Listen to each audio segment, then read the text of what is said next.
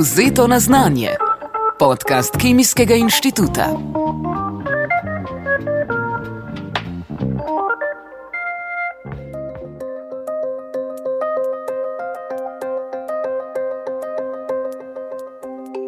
Lepo pozdravljeni. Julijski podcast bomo posvetili čutu, na katerega radi pozabimo. Dokler nas v ekstremnih situacijah ne prisili v nemo občudovanje ali v občutek slabosti. Spregovorili bomo namreč o vonju. O tem, kaj von sploh je, je pisal že antični rimski pesnik Lukreci Kar, ki je predvideval, da so v nosu majhne pore, različne po velikosti in obliki v katere vstopajo dišeči delci snovi in povzročajo občutek vonja. Delci vsake dišeče snovi je dejal, da imajo tudi posebno, samo njim lastno obliko, od katere je odvisen njen von. Svojo tezo se je pravzaprav zelo približal današnjim razlagam vonja. Von po vrtnici, da nimo zaznamo tako, da posamezne hlapne spojine v celicah nosne sluznice aktivirajo receptorje za kemične dražljaje. Kadar zaznamo von po zmesi citronelola, geraniola in nerola, prepoznamo značilen von po vrtnici. Naši možgani si namreč z izkušnjami zapomnijo kombinacije kemičnih dražljajev, ki aktivirajo vonjalne receptorje ter jih povežejo z objekti, iz katerih von izvira. Večina snovi, ki imajo von, je sicer organskih. So pa med njimi nekatere tudi anorganske, takšna sta denimo vodikov sulfit in amonijak. Nekaj o vonju smo lahko letos slišali tudi v sklopu tedna Kemijskega inštituta, saj je tam predavala profesorica dr. Mojca Ramšak, ki pa, čeprav sodeluje s fakulteto za kemijo in kemijsko tehnologijo, po izobrazbi ni kemičarka, temveč doktorica znanosti z področja etnologije. Ker je tudi nas zanimalo, na kakšen način lahko profesorica antropologije sodeluje s kemiki, smo jo povprašali tudi o tem.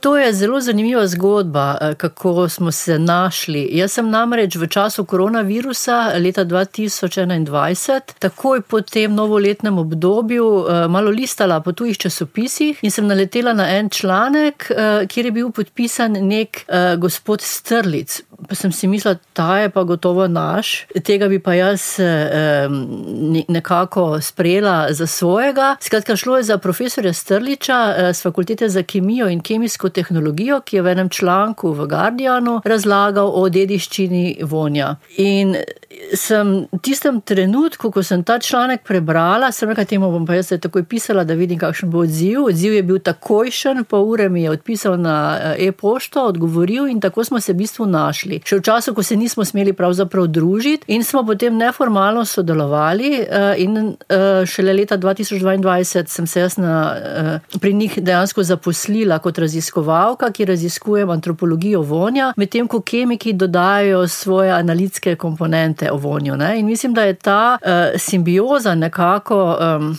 krasna za enkrat, eh, zato ker kaj takega jaz sploh nisem pričakovala. Moram pa reči, da sem jaz se s tem vonjem nekako že prej ukvarjala, ker sem sama zelo občutljiva na določene vonjave. Včasih tudi koga malo poteroriziram, eh, glede ne samo telesnega vonja, to bi bilo mogoče preveč neposredno, ne? na ta način ne. Ampak kakšne vonjave me zelo motijo. Ne? Eh, in sem zbirala, tako lajično sem zbirala knjige in članke znanstvene na temo vonja in potem v tistem tistem času, ko sem jaz ta članek prebrala v Guardianu, sem jaz začela že pisati knjigo o vonju eh, z, z etnološkega zornega kota, ker sem pač etnologinja. No? In tako smo se potem našli in uh, zdaj sodelujemo na projektu, ki teče že drugo leto na um, Fakulteti za kemijo in kemijsko tehnologijo in kjer vključujemo komponento dediščine, konkretno iz Narodnega muzeja Slovenije, v svoje naracije o vonju. Uh, tako da to je eno zelo zanimivo sodelovanje in ki mi ga je nekako prinesel trenutek, bi rekla. In sem zelo vesela, da smo se našli. Zelo redko je namreč, da lahko nek humanist ali humanistka dobi priložnost eh, resnega raziskovanja z naravoslavci ali pa s tehniki. To je, določene stvari so mogoče nekompatibilne, bi si kdo mislil, ampak če si pustimo dovolj prostora za dihati, potem lahko vsak svoje dela, vsak tisto, kar zna, kar vlada. In mislim, da bodo rezultati projekta potem naslednje leto se zaključi, kar, kar dovolj dobri, načrtujemo nekaj večjih publikacij, načrtujemo v Narodnem muzeju pritegnitev obiskovalcev eh, s predmeti, bodi si, da, ki imajo še zdaj lasten von, eh, s predmeti, ki imajo neke zgodbe eh, o vonju. In tako bomo videli, kako se bo zdaj publika odzvala v muzeju, kajti to ni najbolj običajen pristop, da muzeji von kot nek element vključujejo za pritegnitev publike in za razlago dediščine. Je mogoče tako samo inicijativno? Jaz sem lani naredila raziskavo um, vseh slovenskih muzejev, koliko pravzaprav je von prisoten. Uh, in sem bila potem presenečena. Na koncu se je pokazala lepa struktura, da ne samo, da se nekateri muzealci zavedajo, da je treba vključevati in prostore, in predmete, in zgodbe z vonjem. Skratka, vse to, kar bi lahko nam pojavilo pojasnilo, kako so ljudje v preteklosti živeli. Eh, ampak to je še vse tako zelo po vojih, nestrukturirano. Ne?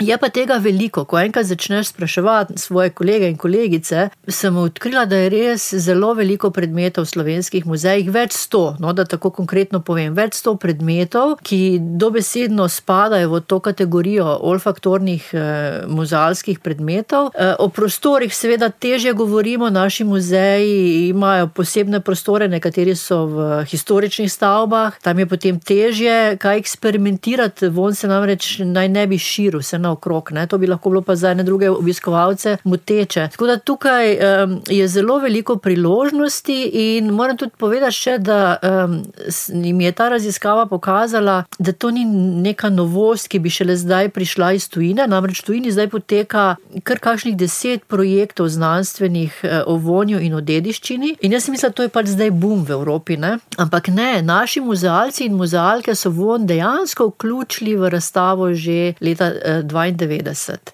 Recimo um, v Trenti, Trentarski muzej, ta je bil prvi, po moji evidenci. Lahko da je bil še kakšen muzej, pa še nimam podatka. Ampak Trentarski muzej recimo, je vključeval čisto konkretne stvari, od črne kuhne, od tramov, nekdanje kuhne, ki so jih prenesli na novo lokacijo, od kotličkov za kuhanje um, sira, potem drv, ki so zložena, recimo nekje, ki imajo tudi von po lesu, drugih predmetov, ki oddajajo von in spominjajo obiskovalca na nek prostor, na nek historičen prostor, ki pač um, je bil namenjen temu, da se je tam predelovalo mleko. Tako da to ni tako novo, kot sem jaz mislila in to me zelo veseli pravzaprav.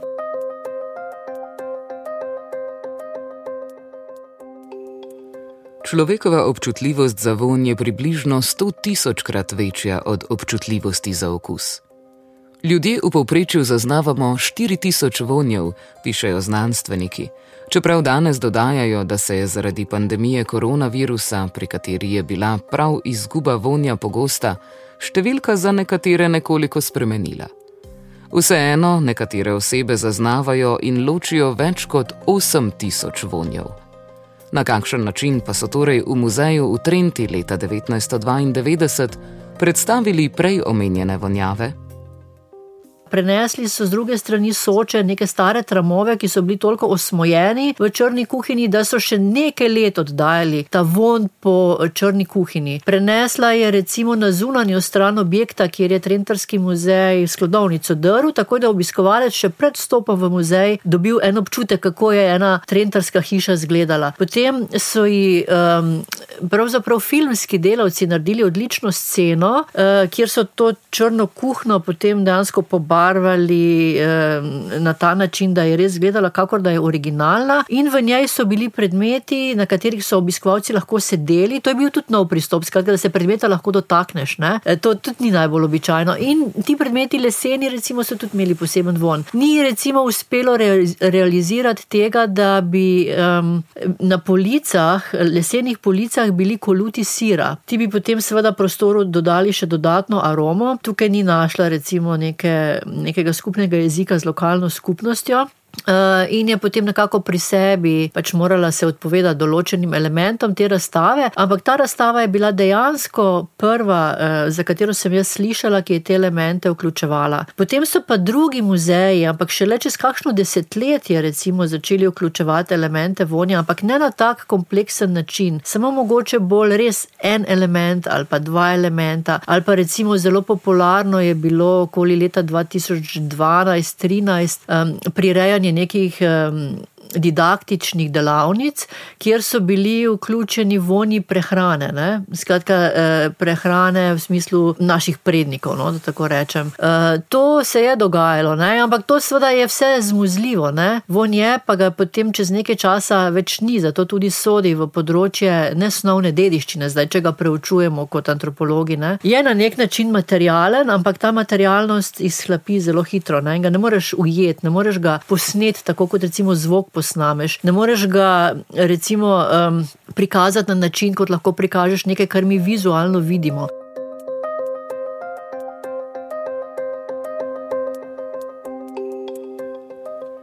Neka snov ima lahko prijeten ali neprijeten von, kar je deloma odvisno tudi od posameznika. Prijeten von včasih označujemo z besedo aroma, posebej v kontekstu prehrane in kozmetike neprijetne pa z besedo smrad. Iz tega pomena besede aroma naj bi izhajala tudi beseda aromatičnost, ki označuje ciklične organske spojine s fenilnim radikalom. Nekatere to vrstne spojine imajo dejansko prijeten von. Prav vsak od nas pa ima tako imenovane slepe točke na vohalnem spektru, kar pomeni, da določenih vonjev sploh ne zaznavamo. A različni vonji, ki jih bo dr. Ramšak s kolegi prikazala na razstavi, morda niso tako vsakdanji, kot si predstavljamo šest predmetov, recimo, če povem, največji predmet je mumija, potem je preširnova tobačnica, za katero nimamo trdnih podatkov, da je dejansko jo preširen uporabljal, ker preširen po nekaterih virih naj ne bi kadil, po drugih virih pa naj bi kadil pipo. Ampak ta tobačnica je tobačnica za njuhanec. Um, na njej je tudi eno drugo ime, prelesnik, tako da nismo čisto prepričani, da je to dejansko preširnova tobačnica in ne vemo, kako je točno zašla v njegovo zapuščino zapuščino. No, recimo, to je eden od predmetov, ki nima recimo, več vonja. Mi bi mogoče pomislili, da to pa zdaj še diši po tobaku. Ta tobačnica je bila že toliko krat eh, restaurirana, eh, da je izgubila svoj primarni von, ima pa to zgodbo. Ne? Skratka, mi lahko skozi to tobačnico razložimo, eh, kakšne so bile navade glede kajenja, kako so ljudje sprejemali tobak, recimo v 17. stoletju, 18., potem 19. preširnovem času. Potem recimo naslednji predmet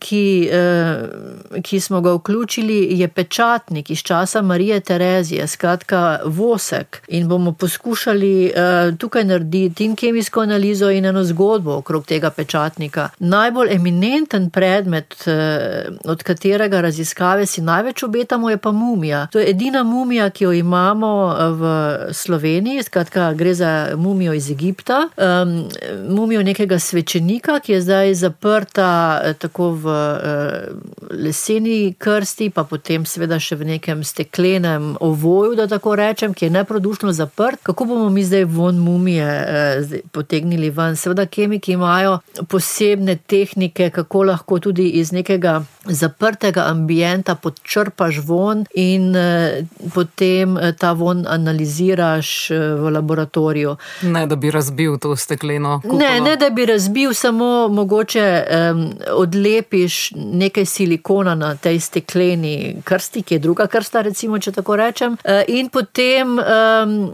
ne bomo odpirali krste, recimo, kot take, ne? ne bomo zdaj direktno do mumije šli, ampak samo von tega predmeta kot krste in potem takoj se uh, stekleni del na, nazaj zapolni silikonom. In to se da zdaj vse lepo počrpati, te vonjave in jih potem v laboratoriju analizirati. Uh, in mi zdaj ne pričakujemo, recimo, da bo mumija smrdela po nekem razkroju, to je namreč suha snov. Ne?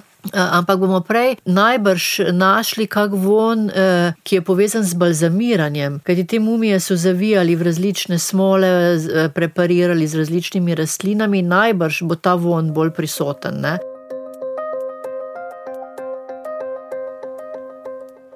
Ramšak pravi tudi, da lahko razstavljanje določenih predmetov, ki imajo kisel von, v muzeju povzroči tudi degradacijo drugih materialov, tako da moramo biti pozorni tudi na to plat. Najbolje sicer menda vonjamo ob koncu najstniških let, ko se marsikdo, vsaj v sklopu šolskih dejavnosti, raje izogiba obiskom takšnih institucij. Morda bi morali zato v okolico muzejev postaviti vonjave, ki privabljajo. Najljubši von Britancev naj bi bil denimo sveže pečen kruh. Za živali pa pravijo, da levi obožujejo von mete, kamele pa celo tobak. Če se kdaj znajdete na prostoru, ki je preveč nasičen z vonjavami, kot je denimo sprejemna dvorana operne hiše, pa si lahko pomagate s kavnimi zrni, ki ublažijo vonjalno razdraženost. A zakaj nam nekaj smrdi, nekaj pa ne?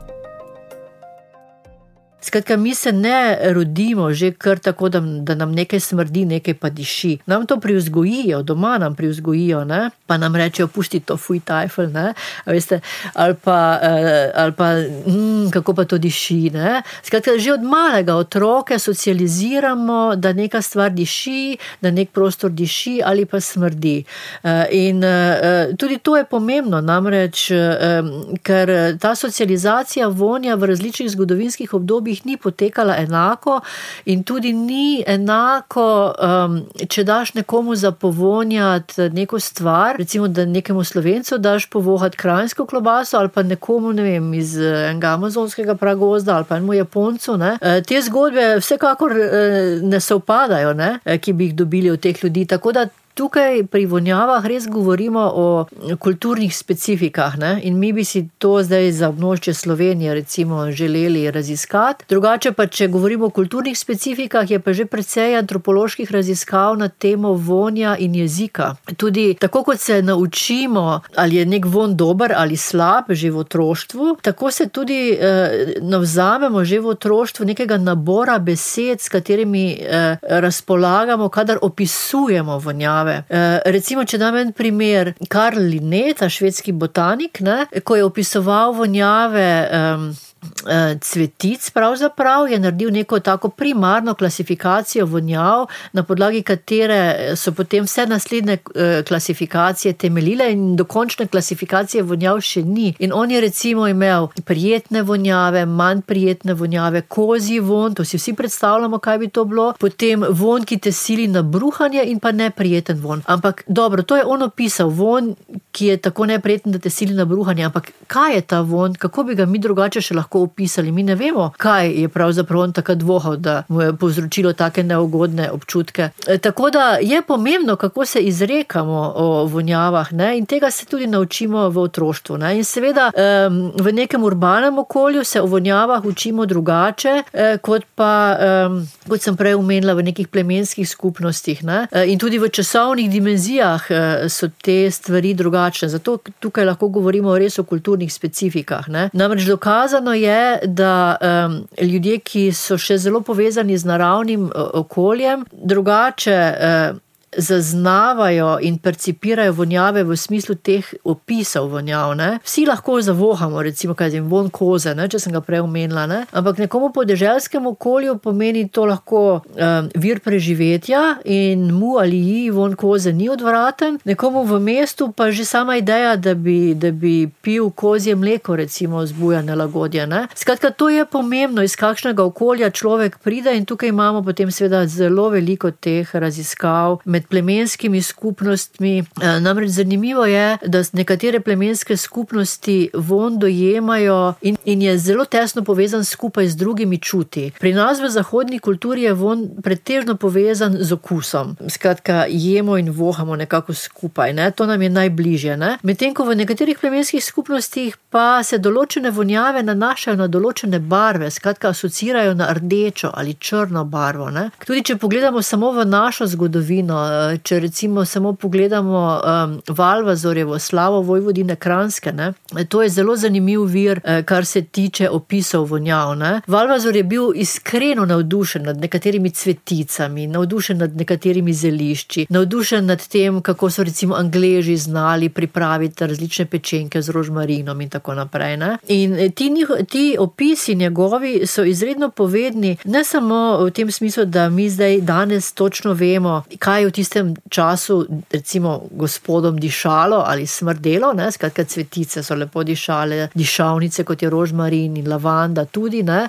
Vmes upleta svoje zgodbe, legende, za, seveda, za katere mi točno ne vemo, iz katerega vira jih je vzel, ampak skratka, domnevamo, da gre za neke legende, ki nam tudi pojasnjujejo ta princip, da zvonjem lahko koga odganjamo. Zvonjem mi danes ponavadi koga poskušamo pritegniti, zato se parfumiramo ne? ali pa poskušamo te svoje telesne vonjave prikriti z nečim, kar je recimo v nekem okolju kulturno sprejemljivo, ne? skratka z nekimi parfumi. Medtem ko zvonjem lahko človeka tudi odženemo. Ne? In on je opisal recimo zgodbo iz Furlanije, kjer govori o petih princesah, ki jim je grozilo, da bi jih avari, ki so takrat prihajali iz vzhoda, lahko posilili. Eh, in eh, te punce so bile toliko pametne, vsaj po tej legendi, da so vedele, da morajo te avare na nek način odgnati. Odgnali, odgnale so pa jih, po legendi, spet s svojim neznosnim telesnim vonjem, ki so ga povzročile tako, da so si pod prsi, pod obleko dale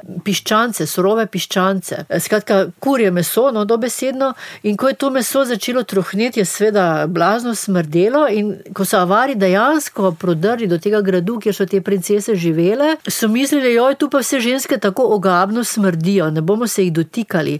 Ta v bistvu koncept odganjanja z vonjavami naj bi prevzele tudi druge osebe ženskega spola tistem, na tistem gradu, in ti prišleki, ti zavojevalci naj bi dobili vtis, da v bistvu na tem območju pa ženske strašno smrdijo in so jih pustili pri miru. Ne. To je njim rešilo življenje, rešilo jim je čas, ne, o kateri se je v tistem času govorilo. E, in pa seveda meni danes kot antropologini povejo, da so, da so se v tem času zelo dobro zavedali ne, tega principa, da odzvonjavami lahko kaj pritegnemo, lahko pa tudi kaj odženemo od sebe. Ne. Zdaj, bodi si, da je to človek, lahko bi bila tudi žival, lahko bi tudi bila rastlina, recimo, ne, če, če govorimo o nekih mitologijah. Ne.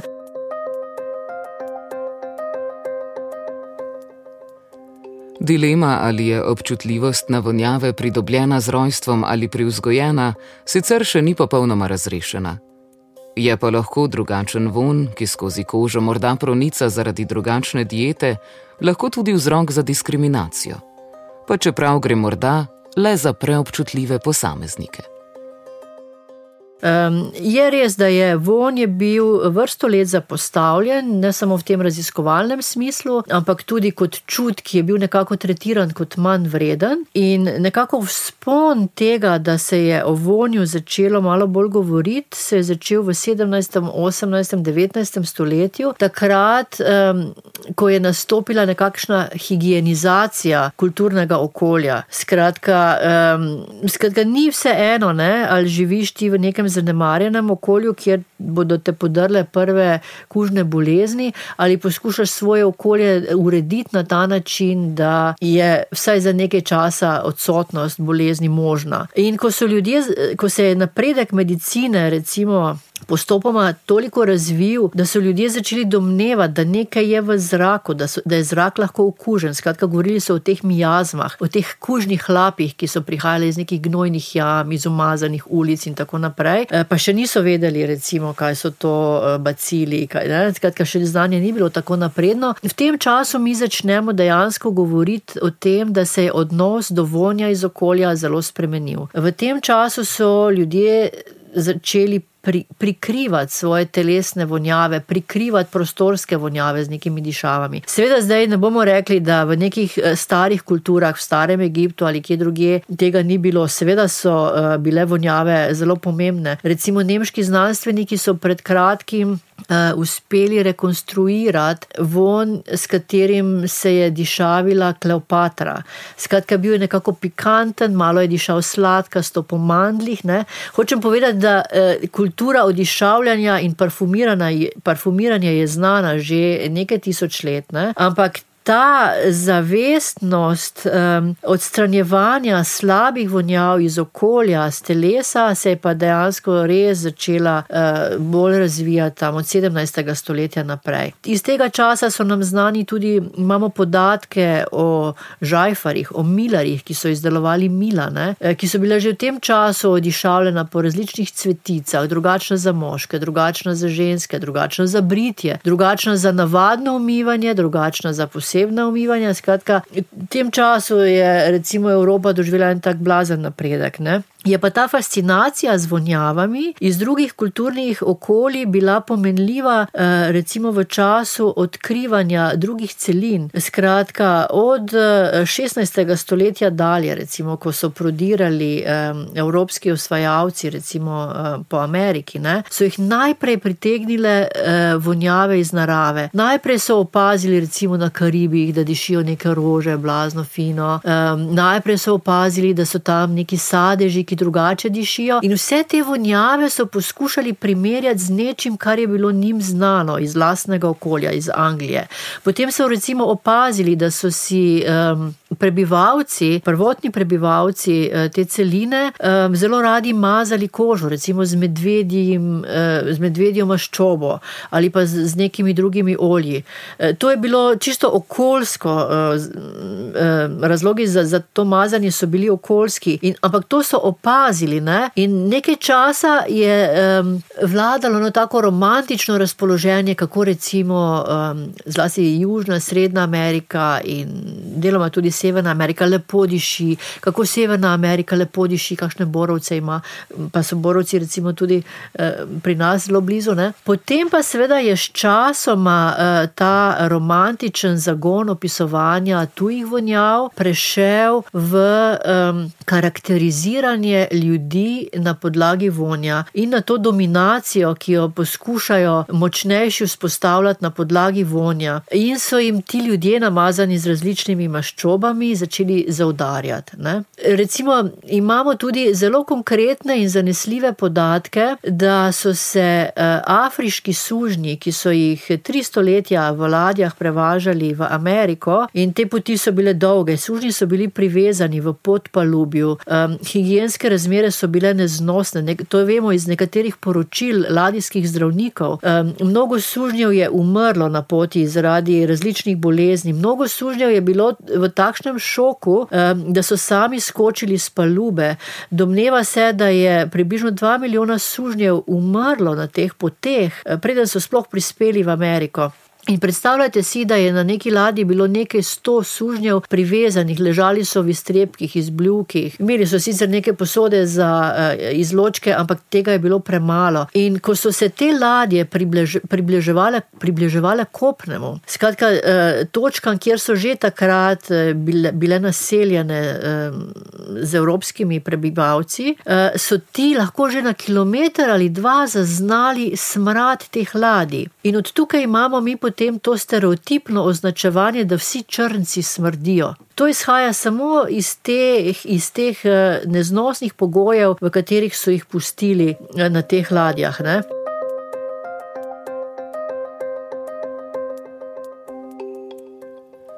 Za konec ne pozabite, von nas lahko tudi reši pred zastrupitvijo, s pokvarjeno hrano ali pred slabo plinsko napeljavo. A če boste želeli kakšen von še posebej dobro prikriti, se spomnite, da je samo za en liter olja iz vrtnic potrebnih kar milijon šeststo tisoč cvetov. S tem končujemo današnji podcast o vonju in vas vabimo, da nam spet prisluhnete avgusta, ko bomo gostili izredno profesorico dr. Bojano Žegura, s katero bomo govorili o okoljskih onesnažilih, prepoznavanju njihove nevarnosti in tveganju za zdravje ljudi in okolja. Danes sem s profesorico dr. Mojco Ramšak spregovorila Pija. Se slišimo čez en mesec. Pa lepo zdrav.